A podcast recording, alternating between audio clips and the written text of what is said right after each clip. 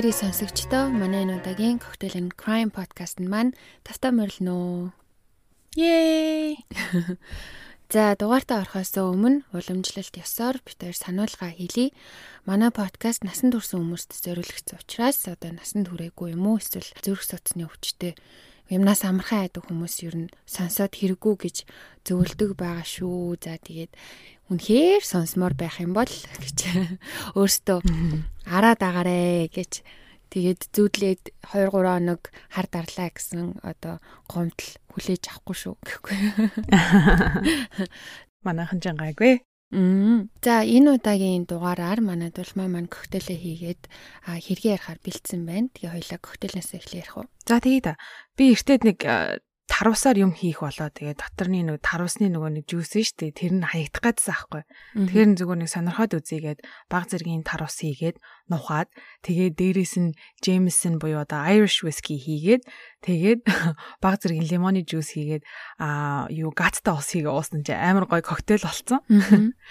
Тэгээд одоо нэг ясандаа өөрийнхөө зохиосон коктейлийг өнөөдөр хийсэн байна. Тэгээд Google яг ийм коктейл бас байдсан болоо гэ хайгаад үзсэн чинь байдгийн байна мэдээж.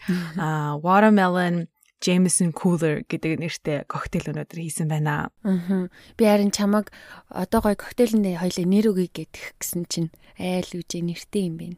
Тэгвэл одоо яах вэ гэж. Гэтэ яг гоо Google-ээс хайгаад үзсэн чинь бас 9 шидийн тийм чамин чамин юм хийдэг юм бэ л л дээ. Болохгүй бол хоёулаа зүгээр өөрсдөө бас нэр өгчөж олно шүү дээ. Гөөмөн бүтээлч юу манад бол мач. Зүгээр коктейлээ өөрөө зохиогоод л. За үнэхээр гоё коктейл болсон байна нэрээ. Та хэд маань ч гэсэн гэртээ туршиж үзээрэй. За одоо хоёлоо олон юм ярилгүй. Шууд хэрэгтэй орох уу. За тэгье да. За хэрэг эхлэхээс өмнө энэ бас жоохон детальтай хэрэг байж магадгүй манайхан тэгээд сэтгэлэн бариарэ гэж бас сануулмаар байна. А дээрээс нь хүмүүсийн энэ хүмүүсийн нэрүүд нь хоорондоо амар адилхан юм билий. Тэгээд сүүлдээ бүр ингээд жоохон хэл орооцолтох орооцолтохгүй байж магадгүй. Тийм болохоор тэгээс өмнө уушлалт 30 хэл орооцолтоод байвал одоо аль хэзээ орооцолтоод эхэлчихэ. За хэрэгтэй одоо шууд орё да. За энэ удаагийн хэрэг нь болохоор Америкийн нэгдсэн улсын Кентаки болон Индиана мужид болсон хэрэг байгаа. Энэ түүхийн гол дүр нь болохоор Shonda Renee Share гэдэг охин байгаа. А Shonda нь 1979 оны 6 сарын 6-нд Кентаки мужийн Pineville гэдэг хотод төрж өссөн байгаа. А түүний ээж аав хоёр нь Шанда 3 настай байхад нь хоёр тишээ болсон бөгөөд Шандагийн ээж нь гэр бүлтэйгээ ойрхон байхын тулд түүнийг аваад Louisville гих одоо Kentucky мужийн хойно байрлах хот руу нүүж ирсэн байдаг. Шандагийн бага насны хувьд гэвэл тэр маш найрсаг хүүхэд байсан. Бас тийм хөвгөлтэй хөдөлгөөнтэй хүүхэд байсан байгаа. Хичээлдээ сайн, ном унших маш их дуртай. Бас хүнийг ойлгохыг маш их хичээдэг тийм өрөвч, цайлган сэтгэлтэй охин байсан. Мөн хичээлээсээ гадуур олон төрлийн спорт болон секцэнд явдаг байсны жишээ нь одоо волейбол, софтбол болон cheerleader буюу тэг хөгжим дэмжигчийн багт хүртэл бүтэн цагаар явдаг байсан. Бас хажуугаар нь сакс сонирхдаг, хөл бөг сонирхдаг, гимнастик гих мэт ер нь бол юм болгонд амар тийм сонирхолтой, өөрийгөө ингээд сорихыг хүсдэг тийм хөдөлгөөнтэй охин байсан. Олон төрлийн сонирхолтой, идэвхтэй юм болгонд оролцдог байсан учраас найз нөхдийн хувьд бол ер нь бол асуудал байгаагүй. Хаач явсан газраа ингээд ингээд найзтай болчихдог. Шинэ газар ороод тэр дороо одоо найзтай сайн найзтай болох ч юм уу. Найзын асуудал бол шаандад бол байгаагүй. За ингээд 1991 оны 6 сард шаандаг 11 настай байхад ээж нь хоёр дахь нөхрөөсөө салан Индиана мужийн Нью Албани гэх хот руу нүүж шаандаа сургуулаа солих болдог. Угийн нийт зантай найрсаг учраас шинэ сургуульд ороод сая хэлсэн шиг шинэ хүүхдүүдтэй танилцаад найзлахад бол түнд бэрхшээл байгаагүй. Тэгээ шинэ сургуульд ороод удаагүй эхний 7 хоногт ангийнх нь охинд нэгэн асуудал тулгардаг баг. Тэгээ тэр охинд ямар асуудал тулгарсан бэ гэхээр найз бандаасаа салчихсан бөгөөд нөгөө өгсөн бүгжийг нь буцааж өгөхөөс санаа зовоод байгаагаа Шандад хэлдэг. Шанда шинэ найздаа туслахын тулд өө надаа на бүгжөө өгчгөө би аваачид өгчий гэж хэлээд нөгөө хүүхэн дээр очсон байна. Тэр хүүхэн дээр очоод бүгжийг нь буцааж өгөх гэтэл тэр хүүхэн уурлаад тэр өөрөө надтай бүр ярьж чадахгүй байгаа мó те одоо чи хүний асуудалд ордог юм бэ гэж шаанда руу дайрч эхэлдэг. Тэр хүүгүний хамаатан болох 14 настай Аманда гих охин болж буй явдлыг хараад шаанда руу бас дайрч эхэлсэн байгаа. Бараг тэг чи одоо 90 эмийн хооронд одоо илжиг бүүж ороод яах гэж ингэж хүний асуудалд ордیں۔ гэж уурлаж Шандаг түлхэж унгаадаг. Тухайн үед багш нар ирэн асуудлыг зогсоож Аманда Шанда хоёрыг 7 хоногийн detentionд оруулсан байдаг. Аа detention гэдэг нь юу вэ гэхээр нэг Америкийн сургуульд хэрэглэгддэг одоо нэг ёсны шийтгэл гэх юм уу да. Хичээл дээр өмүүлэх ямарваа нэгэн асуудал гаргасан тохиолдолд тодорхой хугацаагаар хичээлийн хичээл тарсны дараа сургууль дээр үлдээдэг байгаа. Тэгээд нэг өрөөнд ингээм хамтдаа суугаад багшийн хяналтанд суугаад хичээлээ хийх юм уу хоорондоо ярьж болтгоо өмүүлж болтгоо тийм зүйлийг detention гэдэг байгаа. А нэг ёсондоо одоо хүүхдүүдийг шийтгэж чөлөөт цагийг нь хомслож байна гэсэн үг. За ингээд Amanda Shanda хоёр detention-д хамт суухаар болсон байна. Бас ороод тэр хоёр хоорондоо асуудал үүсгээд хэрүүл урал гарах болов гэсэн чинь харин ч эсэргээрээ тэр хоёр бие бинийгаа ойлгож илүү дотн нөхөрлөлийг үүсгэсэн. Shandaгийн ээж энэ нөхөрлөлийг таатаа хүлээж аваагүй. Угаасаа мэдээж охиныг нь дээрлэхэж зодонгоо алдсан хүнд одоо ямар л таатай хандаг вичтэй. Гисэн хэдий Shanda Amandag өмөрч тэр асуудал бол үл ойлгоцол байсан ээжээ. Яг үнэндээ Amanda бол маш найрсаг, амар хөөрхөн хааштай, гоё охин гэд ээжигээ аргад нь тайвшруулсан байгаа. За энэ явдлаас хойш хоёр охины харилцаа илүү дотсонсож явсаар байгаа романтик хэлхээтэй болсон. Тухайн үед Шанда 12 настай, Аманда 14 настай байсан. Тэр хоёрын харилцаа гүнзгийрсээр тэр оны буюу одоо 91 оны 10 сард сургууль дээр болсон өвлийн үйлчлэгэнд хамт явхаар тохирдог байгаа. За тухайн үйлчлэг өндөрлөгийн алдад Мелинда гих охин Шанда Аманда хоёр дээр ирэн асуудал үүсгэсэн. За юунаас болж асуудал гаргасан бэ гэхээр 16 настай Мелинда охин Амандагийн экс байсан бөгөөд Шандатай эхлүүлсэн үерхлийг нь таата хүлээж авав. Тэгээ Мелинда Аманда хоёрын хувьд болохоор тэр хоёрын үерхэл 2 жил гарам үргэлжилсэн хэдий ч харилцаа нь ер нь бол маш токсик байсан. Одоо нэг салж нэг нийлдэг тийм тогтворгүй үерхэл байсан. А тэгээ хамгийн сүүлчийн удаа салахад Аманда буцаад нийлэх байх гэж бодож байсан боловч Мелинда аливжаа өөр хүнтэй үерхэд эхэлсэн учраас Аманда за за ингээд бит хоёрын одоо харилцаа дуусч байгаа юм байна гэж ойлгодог. А дээрэс нь яг тэр үед Амандагийн амьдралд Шайнда гарч ирэн дотн харилцаа үүсгэсэн учраас юун тэр Мелиндаг бодох тэрнийг Мелиндаг ингээд тэр чигээр нь хайсан байдаг. За энэ Melinda Loveless гэдэг охин одоо энэ хэргийн бас гол дөрүүдийн нэг учраас түүний талаар дурдъя. Melinda-гийн ар гэрийн байдал хүүхэд нас ер нь бол тогтворгүй байсан. А 1975 онд гурван охинтой айлын бага охин болон мэндэлсэн байдаг. А түүний аав нь Вьетнамын дайнд явж байсан халц хэрэг хүн. Дайнд байлдаж явсны уршгаар а манайхан сайн мэддэг тэ PTSD буюу одоо trauma-ны дараах стрессний эмгэг байгаа тий. PTSD гих мэт сэтгэл зүйн доолдолтой болсон. Ээжийнх нь хэлснээр аав нь байнга араар нь тавьдаг байсан төдийгүй ээжийг нь одоо өөр хүнтэй эрэгтэй эмэгтэй хамаагүй бүр бэлгийн харьцаанд оруулж тэрийг нь үзхийг хүсдэг бүр эхнэрээ шаарддаг. Эхнэр нь ин зөвшөөрөхгүй үгүйсгэнгүүд эхнэртэй гар хүрдэг байсан маа. Ээж нь бол ер нь байнга сэтгэл зүйн болон бие махбодын хүчирхийлэлд өртдөг байсан бөгөөд гурван охиноо хүртэл багаас нь бэлгийн хүчирхийлэлд оруулдаг байсан гэдгийг сүүлд илрүүлсэн. Меландагийн аав нь гурван охиноо бэлгийн хүчирхийлэлд оруулдаг байсан гэх энэ факт нь бол бас яг 100% яг юу болсон эцэг нь яг яаж хүчирхийлдэг байсан нь бол яг одоо 100% тодорхой биш. А яагаад гэвэл ихч дүүс өөр өөр зүйлүүдийг ярьсан байна. А гисэн хэдий ч энийг ижилхэн зүйл нь ямар ч байсан тодорхой хэмжээний бэлгийн хүчирхийлэлд өртөж байсан нь бол илэрдэг. Мелиндагийн хоёр эгч нарын хэлснээр эцэг нь тэднийг ухаан орсон цагаас нь хойш бэлгийн хүчирхийлэл амсуулсан. Эцгийнх нь хийдэг гаргадаг байсан бусад одоо ёс бус зангаас дуртахад гэртээ охтынхоо дотуур хувцсыг өмсөж тэднүүрний бодгийг хэрэглэж тоглодог байснаар зогсохгүй Меландаг 14 нас хүртэл хамт нэг оронд унтдаг байсан. Энэ явдлуудын тухай Меланда эгч нар болон ээжээсээ тис ондоо түүхийг дурддаг байгаа. Аавыгаа өмөрч байгаа айтай хизээч намайг тэ ёс бус байдлаар оролдож байгаагүй. Би хизээч бэлгийн хүчирхийлэлд өртөөгүй. Бид хоёр зүгээр л хамт унтдаг байсан гэж Меланда сүлд өөрөө дурддаг. Аав нь цэргээс халагдаж ирээд хэсэг цагдаагийн хэлтээс тэнцэн харилцах офицероор ажиллаж байсан ч хамтрагчтайгаа нийлэн өнгөд арстан залуу ёс бусаар зоцсон учраас ажилласаа халагдсан. А тэр явдлаас хойш яг ямар ажил эрхэлдэг байсан тодорхойгүй ч гэсэн олсон мөнгөө зөвхөн өөртөө зарцуулдаг. Одоо арх тамхи, мотоцикл, машин, гар бүг их өөрийнхөө зүгээр сонирхдаг зүйлсийг худалдан авч зугаагаа гаргадаг байсан байгаа. Олсон мөнгөө ер нь бол эхнэр хүүхдүүдрээгээ ер нь зарцуулдаг чаддаггүй байсан. Тухайн үедээ хичнээн мөнгөтэй юм шиг одоо гайгүй хороололд гоё хаусанд амьдардаг хэдий ч хамаадан садангуудынх нь хэлснээр охтууд нь байнга өлссөн байдалтай харагддаг. Мөн өмсөн хувцас хунрыг нь ачаад шинэ хувцас юу нь ховор харагддаг байсан гэж дурддаг байгаа. Аав нь 14 нас хүртэл нь хамт нэг оронд унтчихсэн гэсэн тий. 14-тойгоос нь хойш яагаад хамт унтхаа байсан бэ гэхээрээ ээж аав хоёр нь салсан учраас аав нь орхиод явсан байдаг. А салсан шалтгаан нь бол мэдээж олон жилийн сэтгэл зүйн болон бие махбодын хүчирхийлэл байсан хэдий ч бүр яг гоо шалтгаан нь гэвэл нэг өдөр Мелиндагийн найз нь гэрт нь ирж хонох болсон байдаг. Тэр үед өрөөндөө байсан Мелинда болон Мелиндагийн найзыг нь аав нь хаалганыг завсраар нууцаар харж байхыг нь ээж нь хараад уураа бүр төвчлгүү утга бариад дайрсан гэж байгаа. Аавыг нь ална гэд. Тэгээ мэдээж маш олон жил хүчээр хийлүүлсэн сэтгэл зүйн дарамтнд байсан тэр бүх юм ингэж буцалсаар агаад алчийл гэж ботсон юм шиг байгаа. Тэгээ тэр үед нь аав нь өөрийгөө хамгаалж агаад хутгалуулад эмнэлэгт хүргэгдэх болсон.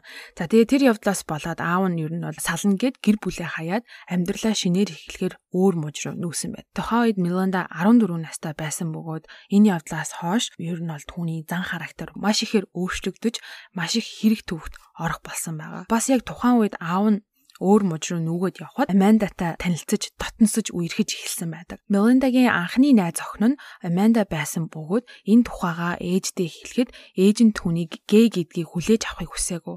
Мөн энэ байдлаас нь болоод Мелиндаг бүр үзгээ байсан. Гэр орондоо ярихаа барьсан. Ер нь бол Мелинда ам нээж юм ярих болгондоо загиндаг, занчдаг ч юм уу одоо тэгж хашгирдаг ер нь амар тэр хоёрын харилцаа бол маш хурдан мууцсан. Эцэг нь хаяад явчихсан. Ээж нь түүнийг хүлээж авахыг хүсээгүй бас одоо багаас амссан дарамт одоо гэр бүлийн энэ хүчирхийлэл гих мэтээс шалтгаалan Мелинда сэтгэл зүйн маш олон асуудалтай байсан жишээ нь depression буюу сэтгэлийн гүн гутралд орсон, каунселорын хараанд хараа хяналтанд нь байдаг. Бас дээрэс нь тэр сэтгэлийн гүн готролыг нь засахын тулд олон төрлийн тийм сэтгэл засах им имчилгээнд явдаг байсан байгаа. За тэгээ энэ байдлаасаа болоод сургууль дээрээ байнга асуудал гаргадаг. Дандаа хэрүүл зодон хийх нь ер нь бол энгийн үзэгдэл байсан. Сая дурдсан шиг анханасаа Аманда, Мелинда хоёрын харилцаа маш токсик бүтэхгүй нь ил тод байсан нь Шандаг гарч ирэхэд одоо батлагдсан. Ингээд тэр өвлийн үдшилэг болдог орой Мелинда Шанда руу уурлаад түүнийг сүрдүүлсэн байгаа. Чи Амандагаас зайгаа барь. Нэг осондоо Аманда бол минийх хэрвээ чи Амандаг зүгээр орхихгүй бол би чамайг ална шүү гэж сүрдүүлсэн байна. Тэгэж гисэн хідий ч одоо өсвөр насны хүүхдүүд юу ярих вэ? Тэрэн дээр нь бол нэг амир жинхэнгээ хүн болгон итгээд байхгүй штэ.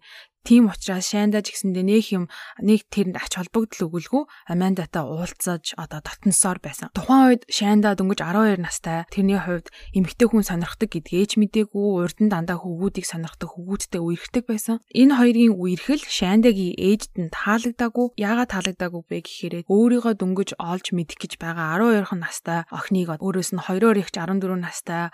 Тэгээ урд нь бас эмэгтэй хүнтэй охин эмэгтэй хүнтэй үерхэж үтсэн одоо өөрийгөө арай илүү төлөвшүүлсэн Аманда 12 настай Шайндаг ер нь бол толгойг нь эргүүлээ жоохон ашиглах гад байна гэж ойлгоод Шайнагийн ээж нь тэр хоёрын харилцааг таслахыг хүссэн. Бас дээрэс нь хичээлдээ сайн спортоор хичээлдэг ер нь бол маш ирээдүйтэй гэж одоо багш нар нь ч гэсэн те гэр бүлийнхэн ч гэсэн боддог байсан.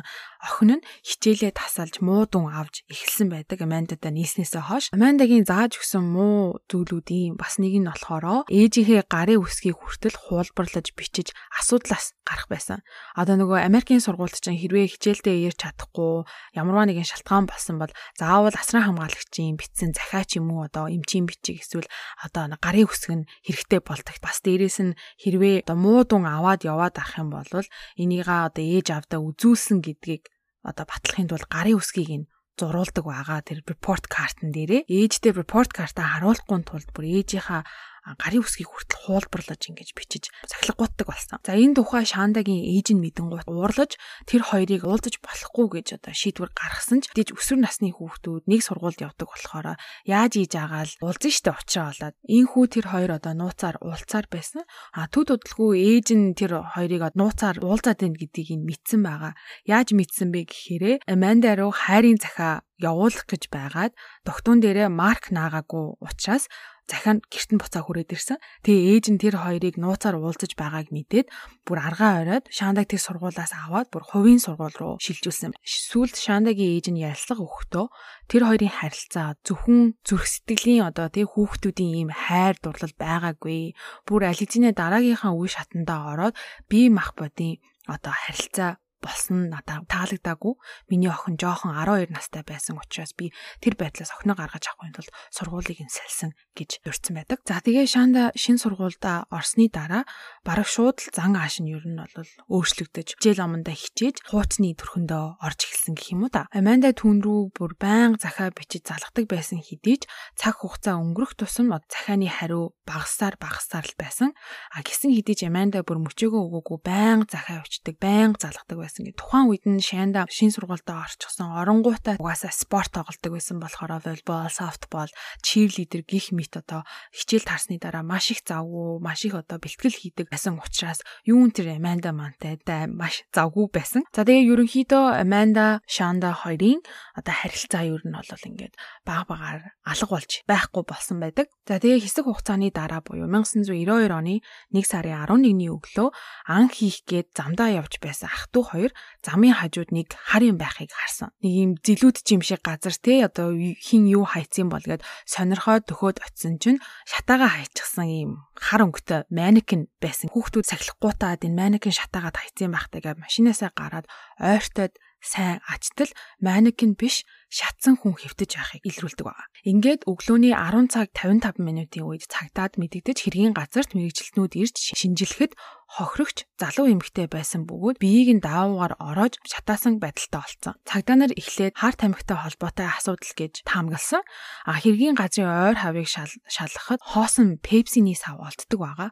Тэгээ тэр савыг нь онгойлгоод үнэрчтэл шууд бензин үнэрчсэн. Хэргийн газрыг шалгаж явах явцад мэдээж цагдаагийн хилцс рүү холбоо барин одоо алга болсон хүмүүсийн репортын дунд саяхан алга болсон тэ өсвөр насны охин байгаа үгүйг шалгахад ямар ч мэдээлэл гарч ирээгүй. Бас цагдаа нарын таамагласан нэг зүйл нь болохоор колттэй хамаатай одоо хэрэг байж магадгүй гэж таамагласан байгаа. А яагаад гэвэл тэр охины цогцыг олдоосоо одоо хүмүүс хараасаа гэж ботсон мэд бүр замын хажууд ил гаргаж тавьсан байсан. Тэгээ яагаад тэр нь сонирхолтой вэ гэхээр хитгэн алхмын цаана одоо юм бүр шигүү айгүй мод байсан байгаа байхгүй. Хэрвээ тэр охиныг бити олоосой хэргийг бити гаргаасай бити илрүүлээсэй гэж ботсон бол мэдээж тэр модон дундаа аваачаад хаях байсан. Гэтэл замын хажууд хайсан байсан нь одоо энэ колттай хамаатай байж магадгүй гэж цагтаа нар тамгалсан. Тухайн үед колт болон мухар сүсгүүд маш ихээр хүчээ авч байсан үе. Тэр колтын хүмүүс бурхандаа ч юм уу, зүтгэртөө ч юм уу өргөл өргөж хүний амьд хүрсэн байж болцсошгүй гэж таамагладаг. Бас дээрээс нь цогцос олцсон газраас холгүйхан Witch's Castle буюу одоо орчуулах юм бол шулмын шилтгэн гэх юм уу да. Гих дутуу баригдсан хаягдмал балгас байсан бөгөөд өсвөр насныхан болон ер нь бол тийм cult malt сонирхтой ер нь жоохон бүтэхгүй гарууд тийшээ очиж аа сахилахгүйдэж тэгээ хар тамиг татаж одоо архиуж тамиг татаж буруу шашин шүтлгийнхаа тухай ярьж одоо нэг тийм нэг юм цагийг өнгөрөөдөг нэг хэсэг газар байсан байгаа. Тиймээс цагдаа нарын таамагласнаар олдсон энэ хохирогч охин одоо буруу шашин шүтлэгтэй хүүхдүүд цугларан тэр шүтдэг зүйлдээ өргөл дахил өргөх гэж оролцсон байх гэж ботсон гэж. За ингээд мэдээж цогцыг задлан шинжилгээнд оруулна. Гэхдээ маш гүн шатсан байсан учраас хариун гарахгүй удаж мөрдлөг хойшлох байх гэж имэж байсан боловч хэрэг маш хурдан илэрсэн байна. А яаж илэрсэн бэ гэхээр тухайн өдрийн орой хэрэг болсон газраас 70 км-ийн зайд байрлах хотод Тони Лоренс гэх 15 настай охин нус нулимсандаа хойлолтон цагтаагийн газар орж ирсэн гэж аах. Тэ амар уйлж унжаад хүү яасан юу асан гэж тайвшаад юу асан талаар асуухад дийлхтэй өчтөр орой найзуудтайгаа нийлэн бага насны охиныг тачлаан зовоож хөнөөсөн талаараа мэдүүлсэн. А яг хэн байсныг лавлаж асуухад би тэр охины нэрийг л мэднэ. Өөр юу ч мэдэхгүй. Овгийг нь ч хүртэл мэдэхгүй. Тэр охиныг Шанда гэдэг эндээс цагийн зайд байрлах хотод амьдардаг гэж хэлсэн байна. За цагдаагийн байгууллага энэ мэдээллийг Шандагийн амьдрах хотын цагдаа руу залгаж шалгахад тэр өдөр 12 цагийн өмнө Шанда Шерер гэх 12 настай охин алга болсныг мэдгд. Ээж аав нь салсан учраас шайнда амралтын өдрүүдийг аавын да өнгөрүүлдэг байсан. Өмнөх оройн нь аав нь унт гэхэд үгээ би зурагт үзнэ гэд үлдсэн байдаг. Өглөө нь аав нь 7 цагийн үед сэрээд охиныхоо өрөөг шалгахад шайнда байгаагүй. Тэгээ эрт осоод гарсан юм болов гэж одоо санаад зовоогүй байтал аавынх нь ихнэр буюу одоо шайндагийн хойд ээж нь хар өглөөгөр тоглох гэж явна гэж юу эдэм би хаашаа явна гэж ямар ч байсан гарч хай өглөөний 7 цаг болж байхад гээд гэрийнхээ ойр хаваар хайж эхэлсэн боловч олдог. Энэ цаг хайсны эцэст за ерөөсөө олдохгүй маань ямар ч байсан ээж рүү залхахыг гээд ээж рүү залгаад мэдгцэн. Шайндагийн ээж нь аавынд нь ирээд том өрөөнд нь байх охиныхоо цүнхийг хараад нэг л юм буруу буруу өөр байгаадаа анзаарсан. Тэр нь юу вэ гэхээр Шанда хизээж цөнхгүй явдаггүй учраас нэг л биш санагдаад шууд цагдаад мэдэгдэж Шанда охиныг алга болсон гэж репорт өгсөн байна. За тэгээ тэр өдөржингөө Шандагийн найз нөхөд багш сургууль руу залгаж охиныг хайж эхэлсэн. Амандараа хүртэл залгаж асуухад Аманда хэлэхдээ харьцгаа болсон би юу ч мэдэхгүй гэж хэлээд өнгөрсөн байдаг. Тухайн үедээ Шандагийн ээж нь Амандаг сэжиглэж байсан хэдий ч нөгөө сандарцсан дээ дараагийнхаа хүмүүс рүү дараагийнхаа найзууд руу залхийгээд нэг ямар ач холбогдол өгөөгүй уцаа тавьсан байгаа. За энэхүү үйл мэдэгдэх цогцос алга болсон Шанда гэдгийг тогтоосон хэдий ч мэдээж 100% баттай байхын тулд задлан шинжилгээг хүлээдэг. Удалгүй задлан шинжилгээгээр Шандагийн шүдний хэлбэрээр нь мөн гэдгийг тогтоож ээж аавд нь түүнийг нас барсан гэдгийг мэдэгддэг. Тухайн үед ээж нь охиныгоо яаж нас барсныг мэдхийг хүсээгүй хэдий ч зурагт үзэж байгаад охиноо яаж нас барсныг мэдсэн. За Шандаг алга болдог орой яг юу болсон бэ гэвэл 1992 оны 1 сарын 10-ны орой Тони, Hope, Lori гих гурван найз дөрөв дэх найз болох Melinda-гийнхаа гэрт ирдэг байгаа. Тони, Hope хоёр нь болохоор Lori-гийн найз, а Lori нь болохоор Melinda-гийн найз байсан. За Melinda-гинд очиод хүний өгсөн хувцснуудыг өмссөн бөгөөд тухайн үед Melinda хутаг гаргаж ирээд Shanda гэдэг охиныг айлгах төлөвлөгөөтэй байгаагаа хэлсэн. А яагаад ийм зүйл хийх болсон талаар асуухад Melinda хэлэхдээ Тэр миний найз охиныг булаасан. Бас угаасаа шал хуурамч copycat охин учраас түүнийг сургах хэрэгтэй. Тимээс очиж айлгаж байгаа гэж хэлдэг. Ингээд Шандагийн герт тэр оройноо очсон. Melinda Lori хоёрыг хэн гэдгийг нь мэддэг учраас Шандаг авчрахын тулд Tony Hope хоёрыг өөдрөө нь явуулдаг. Tony Hope хоёр Шандад хэлэхдээ Amanda чамтай уулзахыг хүсэж байна. Чамтай ярих юм байгаа гэсэн. Тэгээд Witches Castle дээр чамайг дагуулад ирээч гэж бит хоёроос гуйс юм а гэж хэлдэг. Шанда эхлээд хэлэхдээ би яг одоо явж чадахгүй манай ээж аав хоёр унтаагүй байна. Та нар шүн дунд өнгөрөөгөөд хүрээ дээр би тэгээд сэмхэн гараад ирээ гэж хэлсэн байгаа. Шанда гарч ирээгүүд Меланда маш их уурлаж байсан хэдий ч нөгөө хоёр охин нь тэг гарч ирнэ гэсэн тай одоо тайвшир угаасаа гадуур явж байгаад 12 цаг өнгөрөөд хүрээд ирээ тэгэхээр гараад ирнэ гэд тэрхэд тоглолт үцхээр явдаг. За ийхүү хідэн цагийн дараа Шандагийн герт буцаж ирдэг. Ирж байх замдаа машин дотор Меланда бид хэрийгстэй алахыг хүсэж гин, ингэж жална, тэгэж жална, тэгэж харшаана гэл амар ярьжсэн байгаа. Тэр тухайга ярихт нь Тони Хоп хоёр охин гайхаад чи зүгээр л айлгана гэсэн бидтэй юу алан мална гэд яриад байгаа юм бэ гэсэн чинь Меланда хэлэхдээ өө би зүгээр л хэлсэн юм аа нэг хэмэр тоглоом одоо бараг тий тоглоомжтой юм сүртэй хүлээж авт ингээд тэр хоёрын амийг тагладаг. Шандагийн үүдэнд очоод Тони Хоп гэд хоёр охиныг очоод аваад иргээд явуулах гэсэн боловч бодвол одоо Мелендагийн тий машин дотор ярьж исэн юмнаас айсан юм шиг байгаа. Тони би очимооргүй байна. Та нар өөрсдөө оч гэд машинд үлддэг байгаа. Тэгээд Lori Hope хоёр Шандаг авч гарч ирсэн бөгөөд машин цуухт нь арын суудалд нуугдаж байсан Меланда гинт гарч ирээд хүзүүнд нь хутга тулгсан. Меланда, Лори хоёр Amanda тэр хоёрын харилцааг асууж эхэлсэн байгаа. Та хоёр яг ямар харилцаатай? Та хоёр юу ярьдیں? Та хоёр юу хийсэн? Унтаж хөвцсөн үү, мөвцсөн үү гэх мэтэр одоо бүх юмыг нь байцааж эхэлсэн. Ингээд Shandag Witches Castle руу аваачаад хөл болон гарыг нь хүлсний дараа дооглоод ингээд шоолж эхэлсэн байна. Тэгэл ус мөсийг нь татаал зулгаагаал чи ямар гоё үстэй юм бэ? Үсийг чинь тайраа сийчихвэл чи ямар харагдах бол тоо? Тийм л халуухан харагдахгүй байх гэж би бодож гин гэл тэр охтууд Шандаг тэрлэж эхэлсэн ба. Тэгээ тэр Лори гэдэг охин нь Шандагийн зүүжсэн Мики Маустай цагийг нь авч гарах дунд нь бүжиглэж байснаа чи мэдхүү энэ Witches Castle дээр одоо энэ шулмын шилтгэн дээр дүүрэн хүний үлдэгдэл цогцос байдаг гэсэн. Чи нэг хэсэг нь болохыг хүсэж гин үү гэх мэтээр ингээ шоолж инээж гэсэн гэж байгаа. Тэгээд яг ямар зоригтойгоор юм мэдгүй ямар ч байсан Lori-гийн охин машинаасаа цамц гарган ирж шатааж эхэлсэн боловч ойр хавьд явах хүмүүс харчиж магадгүйгээд тэр галаа унтраагаад Шандаг аваад өөр газар руу яв. Лоригийн зааварчилгаагаар нэг газар руу явж исэн боловч хид хідэн удаа төөрч зам асууж колонк дээр зогссон байдаг. Төөрч төрсөөр тэр хайж исэн газараа олсон. А тэр газар нь болохоор хүний хөлөөс хол ийм шигүү модны дунд байрлах орхигдсон нэгэн хаус хаус байдаг. Тэр хаус руу орох гэхэд Hope Tony хоёр бит хоёр айгаад байна. Машинд үлдлээ. Гэхэд Melinda Lori хоёр Шандаг дагуулan хаус руу ордог байгаа. Тэр байшинд ороод Шандаг нүцгэлж ээлжлэн зодож эхэлсэн. Меланда удалгүй барьж явсан хутгаараа охины хоолойг хэрчих гэж оролцсон боловч дийлээгүй учраас Мелендагийн уур маш их хурж машинд суусан Хоупиг дуудаж гаргаж ирээд чи Шандагийн Шандагингээ барай зогсчий гэж хэлээд Лори тэр хоёр охиныг ээлжлэн цээжин тус газар нь хутгалж эхэлсэн баг. Ээлжилж хид хідэн удаа хутгалж охин унсны дараа бүр мөсөн дуусгийгээд охины хоолойг олсоор боомлс. Тэгээд Шанда охин хоолойг нь бооход ухаан олдож унсны дараа багаажиндаа хийсэн. Hope Tony хоёрт хэлэхдээ Шанда хүчгсэн гэж хэлээ тэр газраасаа яваад Лоригийн герт нь ирж нүүр гараа угааж ундаа ун хэсэг амарч суудаг.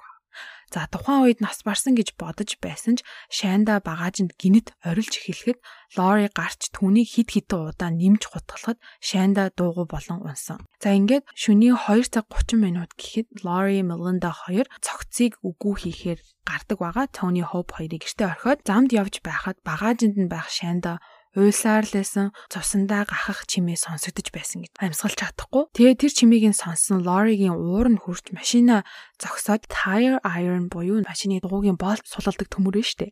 Тэрийг аваад охиныг толгой тус газар нь зогсон. Энэ явдал хид хідэн удаа болсон гэж байгаа. Хид хідэн удаа зогсож Шанда охиныг толгой руу хид хідэн удаа зогсон гэж аимшигтай. Лори сүүлд мэдүүлэхдээ Шандагийн толгой руу тэр төмөр цөм орж байхыг би мэдэрсэн гэж мэдүүлсэн байдаг. Ийхүү тэр хоёр шүнжэнгөө машинаар зугаалж явсан бөгөөд үүр цаахын алдад гэртээ буцаж ирсэн. А Hope Tony гэдэг нөгөө ард үлдсэн хоёр охин байна штэ. Юу болсон талаар асуухад Lori Melinda хоёр бүр хөвгөлтэйгээр хоорондоо бүр ам уралтаад инээж хөхрөн юу хийснээ ярьдаг. Нус нулимс цусандаа гахаад багааж нь твтчихсэн гинт дургу үрээд битээр очиод бусаа тавсан авсан гэл хоорондоо бүр яриад хөхрөөд инээж исэн гэж. Тэгээ инээгээ сууж байхад нь Лоригийн эйженс ирээд харанхуй шүн тэнэж явлаа.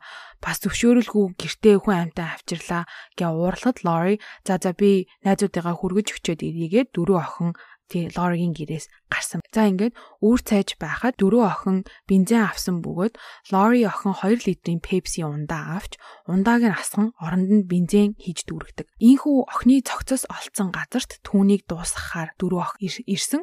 А Шандаг шоолж инээсэн хിവэрээ тэгснэ нүүрлүүн бүр Windex эднэр цацсан гута чи одоо хүртэл өөрийгөө халуухан амтан гэж бодож гин үү гэж мэж шоолж инээж исэн гэж. За ингээд Шандаг давуунд ороож гаргаад дээрээс нь бензин асгаж охиныг шатаасан байдаг. Тухайн үед охин нас бараагүй байсан бөгөөд сүүлд задлан шинжилгээний хариу гарахад Шанда охин маш их гимтэлтэй байсан хэдий ч өхлийн гол шалтгаан нь угаартаж шатаж нас барсан. Шандагийн биеийг шатаасны дараа өглөөний 9 цаг 30 минутын үед Макдоналдс руу орж өглөөний цай уухаар орсон бөгөөд очоод идэж байсан бүр юм түлэгдсэн сосиска харснаа энэ яг шандатай адилхан байгаа эз гэж хоорондоо ярьж хөхрөлдөж байсан. Тэр Тони гэдэг охин нь ер нь бол анханасаа л жоохон айгаад байсан шүү дээ. Би энэ ч орохгүй, би авчрахгүй ингээл жоо бас яг хэргийг үлдэж чадахгүй тэгсэн мөртлөө ингээд дагалдаал яваадсэн.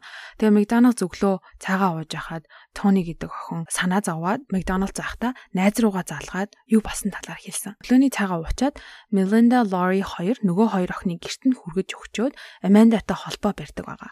Шандаг яаж хүнөөсөн талаар хэлдэг бөгөөд орой уулзахаар төлөвлөдөг одоо баг уулзаад өнгөтөөр ярьж өгье гэсэн байдаг. Тэр өдрөө Melinda Lori хоёр Amanda болон Crystal гих өөр нэг найзыгаа очиж авч гавьяа хагалсан юм шиг хийсэн хэргийнхээ тухай бүр ингээд детальчилж ярьж өгдөг байгаа. Эхлээд Amanda Crystal хоёр ерөөсөө итгээгүй та хоёр юм балаа юм яриад байгаа юм тий. Зүгээр хүнийг очиод ингээд алчин гэж юу хийсэн юм бэ тийм үстэй. Тэгээд итгэхгүй байхад Melinda Lori хоёр бүр гавьяа агуулсан юм шиг заяа. Батлил да гарч ирээ хар гэснэ машиныхаа багажийг онгойлгон үзүүлэхэд Шандагийн цус болон цустай юм гарны хээ бас түүний өмсчихсэн оймс хүртэл байсан гэж байгаа. Тэгээ энэ явдлыг харангуйтаа мэдээж Amandaгийн Crystal хоёр охин яг энэ хоёр хийцэн байх гэж итгэдэг. Тухайн үед Amanda би зүгээр хармаар байна. Би энэ тухай ярихыг хүсэхгүй байна. Намайг зүгээр гэрт минь хүргээд үг гэж харьдаг байгаа. Тэгээ Amanda гэрт нь хүргэж өгөөд буухаас өмнө Melinda түүнийг үнсээд үүнийг чиний л төлөө хийсэн хүнд бити хийлээрэ гэж ятгсан баг. Аманда хариуд нь би хүнд хэлэхгүй гэж амлсан. Тэр Тони гих охин нь хийсэн хэрэгээ ухаарч тэр оройноо цагдаагийн байгууллагт хандаж инхүү хэрэг илэрсэн байд. За хэрэг болоход тухайн үед охтууд 15, 16, 17 настай байсан бөгөөд охтуудыг насанд хүрсэн гэж тооцсон ялыг нь тогтоосон. Энэ гимт хэргийг одоо зохион байгуулсан mastermind Melinda болон гар бие оролцож хамт одоо хэргийг үйлцэн Лори охид цаазын ял авахгүй тулд бурууга хүлээж тус тус 60 жилийн ял хүртэж Лори 2018 онд 26 жилийн дараа суллагдсан. Тэгээ туслах дүрт тоглосон Hope бас 60 жил хүртсэн хэдий ч мэдүүлгээ сайн дураараа өгч хэрэгт тусалсан гэд түүний ялыг 60 жилээс булгаж 35 жил болгосон байна. А Тони гих охин болохоор өөрөө нөгөө нэг хамгийн түрүүнд цагтаад хуржиж мэдэгдэж энэ хэргийг илрүүлэхэд тусалсан учраас plea bargain буюу тохиролцоонд хүрч 20 жилийн ял авсан байгаа. За тэгээд одоо энэ бүх хэргийг зохион байгуулж сэтгэж ер нь бол толгойлсон тий Melinda Loveless гих эмэгтэй 43 наснда сая 2019 онд суllагдаж одоо аж төрөн амьдрын сууж байгаа юм билэ. Ингээд 92 онд маш аимшигын хэрэг хийсэн охтууд бүгдээрээ өнөөдөр 2021 оны 21 оны байдлаар бол нас бий гүйтсэн эмэгтэйчүүд болоод 20 ангаас гарчсан амьдарч байгаа. А ер нь охтуудын яг ар гэрийн асуудал гэх юм бол хамгийн мэдээж аимшигтай одоо хамгийн их түүхтэй нь бол Мелинда байсан а маш их гэр бүлийн хүчирхийлэл болон одоо гэр бүлийн тогтворгүй байдлыг бол амсаж өссөн учраас бас сэтгэл зүйн асуудалтай. А Лоригийн хувьд болохоор бас ийм багын нэг хэрэг түүхт бас маш их ордог байсан. Тэгээд нэг одоо түүний сонирхдаг байсан, маш их сонирхдаг байсан зүйл нь юу вэ гэхээрээ одоо ийм муу ёрийн чөтгөр гэх юм одоо Ouija board гэдэг тэгдэж штэ. Тэрийг одоо монголоор юу гэж тайлбарлах юм бэ ингээ нэг юм board game шиг юм тэгсэн мөртөө ингээ сүнс дууддаг тий бүгдээрээ гараа тавиад ингээ хөдөлгөөд одоо ингээ сүнстэй хайрцдаг тийм нэг тоглоом шиг юм байдаг. Тиймэрхүү юмыг бүр амар сонирхдаг. Бас cult эдрийг бас амар их сонирхдаг да шүтэн бишрэгч гэх юм уу да. Hope Tony гээд ер нь бол нэг туслах дүр тоглосон энэ хоёр охин биш үү? Хоёулаа болохоор нэг амар тийм одоо гэр бүлийн асуудал гэх юм болов нэг юм байгаагүй. Тонигийн хувьд нэг зүйл нь болохоор 9 настай байхдаа 14 настай байндаа хүчндүүлж исэн. Тэрнээсээ болоод сэтгэл зүйн гүн готролд орсон гэсэн онштой. Тэгээ маш их олон им удаг байсан гэж байгаа. Энэ дөрвөн охтын одоо нэг ижилхэн төлөв нь болохоор одоо self harm буюу өөрөө өөрийгөө одоо багасаа зүсдэг, өвтгдөг байсан гэх юм уу да. Тийм охтууд байсан. Лоригийн хувьд бас урд нь дурддагчсэн borderline personality disorderтэй байсан гэдэг. Энэ ингээ харахад бол бүгдээрээ багаас болон их хүртэл ийм хүчрхийлэл донд ер нь өссөн хүүхдүүд байсан бөгөөд Меландагийн өмгөөлөгч түүнийг өмгөөлөх одоо багасаа намссан хүчрхийллээсээ болоод энэ үйлдэлийг хийх болсон гэж өмгөөлөх гэж оролцсон байдаг. Мелиндагийн хувьд бас нэг сонирхолтой зүйл нь болохоор ээж нь заяо сүулт нөхрийнхөө тухай хэлэхдээ октоо баг байхад нь тийм хачин сонин зан хүртэл илэрж исэн гэж. А яадаг байсан бэ гэхээр октоодынхаа чихвийг нь сольж байхдаа одоо бэлэг эрхтнийг нь оролцож исэн. Бүр тийм жоохон байхад нь баг насанд нь усанд орох, хувцас солих гих мэт үйлдэлийг нь нууцаар харах дуртай байсан гэж аахгүй аав нь. Тэгсэн мөртлөө яагаад эртхэн шиг арга хэмжээ аваагүй юм бэ ээж нь өөрөө. Гэдэг асуулт бол мэдээж хамгийн дөрөнд гарч ирсэн. Бодоод ахаар урд өмнө нь яригдчихсэн хэрэгүүд дээр хүчирхийлүүлсээр агаад дахиад угаалгацсан нөгөө хүчирхийлэгч нь бүр амар чи бол надгүйгээр хинж биш чи энэ гэрээс явах юм бол юуч биш чи явах юм бол хүүхдүүд чи эцэггүй чи нөхөргүй чамайг харж хандах хүн байхгүй гэдээ бүр тархийг нь угаацсан болохоор тэрэндээ бүр ингээд одоо автцсан гэх юм уу да энчнээс явж болохгүй би энэ хөнгөөр бол юуч биш гэл хүүхдүүдэд бодоол төвчээл тэсэл байгаад байдаг. Тийм байсан болов гэж нэг дүнэлтэн төрсэн Мелиндагийн ээжийн хувьд. Энэ дүрийн шоронд суусан хугацаа үнэхээр таалагдахгүй байна гэхгүй. Амар богино хугацаанд Лоренс гэдэг нь одоо энэ Тони юу те Тони Лоренс гэдэг юм уу? Тэр гэхэд л одоо 7 жил л суусан бах юм. Тэр энэ аим шиг Мелиндаг сая 40 нас гэдэг чинь бас л залуухан. Айгуу залуухан тэгэл одоо дахиад амьдрал зохиогоод ингээ шинээр эхлээд амьдрахад you know боломжийн л нас штэ тий. Ер нь бол залуу насандаа орон 40 нас гэдэг чинь. Тэгээд амьдралд дахиад нэг боломж олгохсонд нь миний бодлол үнэхээр жоохон дургу үрж байна.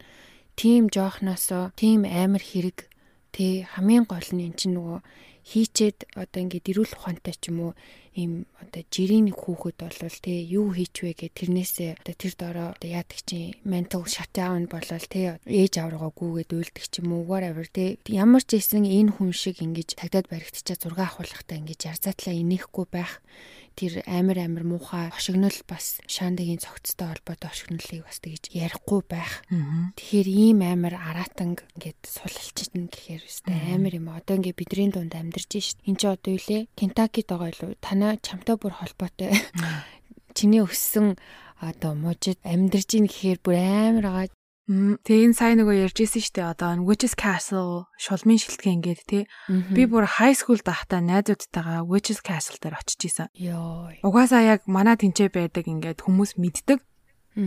мэддэг байхгүй юу. Тэгээд манай high school-ийн найз чи энэ газрын тухай мэдхүү гэхээр нь тэр тухайн үедээ би ч гэсэндээ одоо энэ босон гимт хэргийн тухай амар сонирхдаг байсан болохоор юу яасан ийсэ хаана ингээгэн тухайн үед намайг жоохон high school байхад хүртэл хүүхдүүдийн чи хаяа очдөг байсан байгаа байхгүй. Бажаараа би сая очсон гэлц яг очих гэж явсан боловч бид нар олж чадаагүй.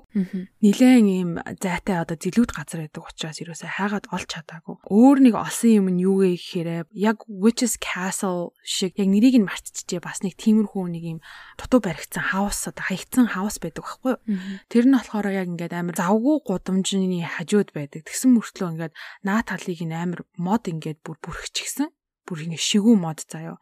Тэгээ амар бүр цаагуур нь ингээ тойроод ингээ очингууд яг нэг юм хэсэг газар ингээ хаавас бүр ингээ мотор ингээ хүрээлэгдсэн нэг юм бөмбөлгөн дотор байгаа юм шиг тийм хаус байдаг байсан. Тэгээ бид нэр тийшээ орж үдчихсэн аахгүй. Тэгээ би яг тухайн үед аа яг үнэндээ бас англи хэл сайн мэдгүй мөртөө нөгөө гадаад найзуудыгаа дагаа явцсан. Тэгэн гутаа тэр үедээ би өөрийгөө Witches Castle дээр очиод үдчихлээ гэж би бодчихсон аахгүй. Тэгсэн чинь арай өөр газар байсан юм бэлээ. Аа гэхдээ миний яг тэр очиж үдчихсэн газрыг манай тэр найзууд надад тайлбарлаж ирэхдээ бас амар олон одоо гинт хэрэгүүд болж исэн амар хэрэгүүд тэнцээ илэрж исэн. Тэг хүмүүсийн хэлснээр болохоор сүнстэй газар гэр бүл байдаг байдаг байсан гэж аахгүй бүр амар олон жилийн өмнө гэр бүл амьдардаг. Тэгээ тэр гэр бүл нь ерөөсөө хүмүүстэй харьцдаггүй байжгаад аав ээж хоёр нь нас орчихсон. Хоёр настай хүн ч илүү ганцаараа үлдээ тэнчэнэ нас орсон гэж ярьжсэн. Тэгээ тэр хүүхдийнх нь болон аав ээжийнх нь сүнс нь хорогдсон. Тэгээ орой болохоор ингээд амар их юм гардаг. Цаана нь яг ингээд амар хүл хөдөлгөөнтэй зам байдаг гэдгсэн штэ. Одоо орой ингээд үүрэг ч юм ингээ явж хахад хоёр настай хүүхэд ингээд хоол нэхэд зам гараад явж идэг гэсэн. Йоо. Тэгж нэг хэлжсэн. Тэгээ би тухайн үед яах вэ нөгөө нэг Witches Castle дээр очиод үдцсэн. Тэгээд яг энэ хэрэг болж исэн газар байна гэж ботсон чи өөр байсан юм бэлээ. А гэхдээ бол яг миний яг одоо Америкт ирээд өссөн, сургуулаа төгссөн, амар олон жил амьдэрсэн газарт болсон хэрэг. Бүх одоо энэ хэрэг дээр дурддагддаг одоо хотуудын нэр бол би бүгдээрэн дээр нь очиж үзчихсэн тийм газар. Харин тий чамаг яг Индиана Лүгвил гэл яриад эхлэнгүүт нь яа энэ ч та айгу эвгүй санагдчих байгаа хта угаасаа яг л байсан газар нэмчин гэж бодчихлаа. Харин тий. Стэ амар юм а. Тэгэд энэ Шанда ч 12 хон настай гэдэг чи одоо 7 дугаар ангийн хүүхд гэсэн үг үү те. Тэгэхэд Мелинда ч болохоор 16 таг гэлөө. Тэгээ 11 дугаар сургуульд орчихсон юм. 11 дугаар ангийн хүүхд тэгэхээр яг хуу одоо бол ингээ 20 гарчгаар ч юм уу 30 гарчгаар энэ дөрөв насны зүр бол нэг том ялгаа байха болчдөг штэ. Тэгтээ одоо энэ 12 болон 16 насны зүр бол надад амар том юм шиг санагдаж байна. Айл 11 дугаар ангийн хүүхэд 7 дугаар ангийн хүүхдийг харамлаад хайр дурлалын холбоотой болоод тэгээ тэрнээсээ олон хүн алж ийн хэр үнэхээр миний тархинд ингээ регистр хийж чадахгүй ингээ маслаад байна. Ийм боломжтой юм уу? Юу яриад байгаа юм би ч тэ хичээл мичээлээ хийгээ явж идэг үе биш юм уу? Тэгээ эцэг хин ямар сонин яа мэдгүй хэлэх үг алдахгүй надад бол маа минь амар юм. Гэтэ Шандагийн ээжийн хувьд бол бас чадах одоо бүхэл юма хийсэн гэж би бол бодож юм хүрх амдан бити уулз гэлээ хорлоо сургуулийг нь хүртэл сольж өглөө. Тэгэл үнэхээр яг зөв хүнтэйгээ л уулзаж нөхөрлөж байхгүй болвол хичнээн одоо тэр хүмүүсийг хаяад одоо амьдралаа тэг илүү дээштүүлээд ингээд явъя гэсэн ч гэсэндээ тэр муу муухай хүмүүсийн одоо хор уршиг ерөөсөө хаягддгүү тий араас чинь чаргууцалдаг гэдгийг бол амар харуулж байгаа юм шиг санагдсан. Бас тэр нөгөө тооны өөрөө цагдаа дуудаад хэлсэн гэсэн шүү дээ тий. Тэгтнээс бодож илээ шандаг нилийн тарчлааж удсан штэ ам тавтлаа бас нилийн удсан. Тийг амьсгал хураахаас өмнө жоох эртгэн шиг цагдаа дуудсан бол бас юм өөрөөр ирэх байсан юм болов уу гэж бас бодоол харамсаал сууж илаа. Тухайн үедээ бас бодоод үзэхээр чинь гар утас эднэ байгаагүй. Заавал зогсож уцаар ярина. Тэгэл зогсож уцаар ярахаар нөгөө хэд нь ч гэсэн сонсож юм билүү. Тэгээ ер нь ингээ хараад ахаар энэ Lori Melinda хоёр хоёулаа ер нь бол амар тийм асуудал үүсгдэг байсан. Дандаа зодон цохоо хийдэг байсан. Хэрүүл урал хийдэг байсан гэхээр нөгөө хийдгээ хэр их одоо давмгаал дээрлэгдэг батцсан байсан нь бол харагдаж байгаа хгүй нэрээ тэгээ хөрхийн амтан бас хөрхийн амтан ч гिचтэй буруу зүйл хийсэн л дээ тухайн үедээ яг зориг гаргаж тэдний одоо эсрэг юм хэлж чадаагүй болов. Аа. Магадгүй л юм тий. Гэтэ энэ Мелинда ихийн хоёрын зургийг яасан муухай юм бэ? Энэ цагдаад баригдчихад амар амар гавья байгуулсан юм шиг инээд юм бэ. Амар тийм хүүтэн байгааз. Тийм тэгэхээр угаасаа ямар ч ихсэн сэтгцэн эрүүл мэндэд бол асуудалтай гэдэг нь бол тодорхой байна. Ямар ч эрүүл хүн бол буруу юм хийчээд тэгээ бүр тийм амар хэрцгий юм хийчээд ингээ энийгээ зогсож явахгүй байх гэж. Энэ ид чинь бас доктор Филийн шоугаар орсон юм биш үү? 10 жилийн өмнө. Тэгж жагаад энэ дугаарыг олж үзнэ. Тэрэ. Аманда энэ төр өөрөө ярилцлага өгсөн биш тий. Маш сонирхолтой хэрэг байна. Тэгээ бас маш харамсалтай болоод амар амар санагдчихэв. Ийм жоох хүүхдүүд ийм амар хэрэг хийх одоо боломжтой гэж бодхолэр тэгэхээр одоо эцэг эхчүүд бас өсвөр насны хүүхдүүд хайр дурлалыг бас амар нэлээд хүн дээр хүлээж авдаг үе үе штэ тий. Тэг яг энэ үед нь бас ямар хүмүүстэй найзалж чинь ямар хүмүүс гэдгийг бас сайн хинжаахгүй бол айгүй хэцүү осолтой байх нь штэ. Эцэг эхчүүдэд маш сургамжтай нэгэн дугаар боллоо гэж би бас бодож байна. За тэгээ бид хоёр уламжлалт ёсоор энэхүү хэрэгтэй холбоотой зураг болон бусад мэдээллийг Instagram болон Facebook хуудасууд дээр тавьчих. Тэгээд хэрэгтэй холбоотой зургнуудаа ороод үзээрэй. Энэ хэрэгтэй холбоотой эсвэл одоо энэ хэрэгээс сэтэлтэй бас одоо ярилцахыг хүссэн зүйлс байвал доор комент хэсэгт бас сэтгэлээ үлдээгээрэй. За тэгээд энэ хүртэл дугаараа сонсон хүн чи хэн бидэг лээд болмаа? MVP. Аа. Арай жоохон хоолоогоос. Бүх MVP-нүүдэд баярлалаа. Дараа дараагийн дугаар хүртэл түр баяртай.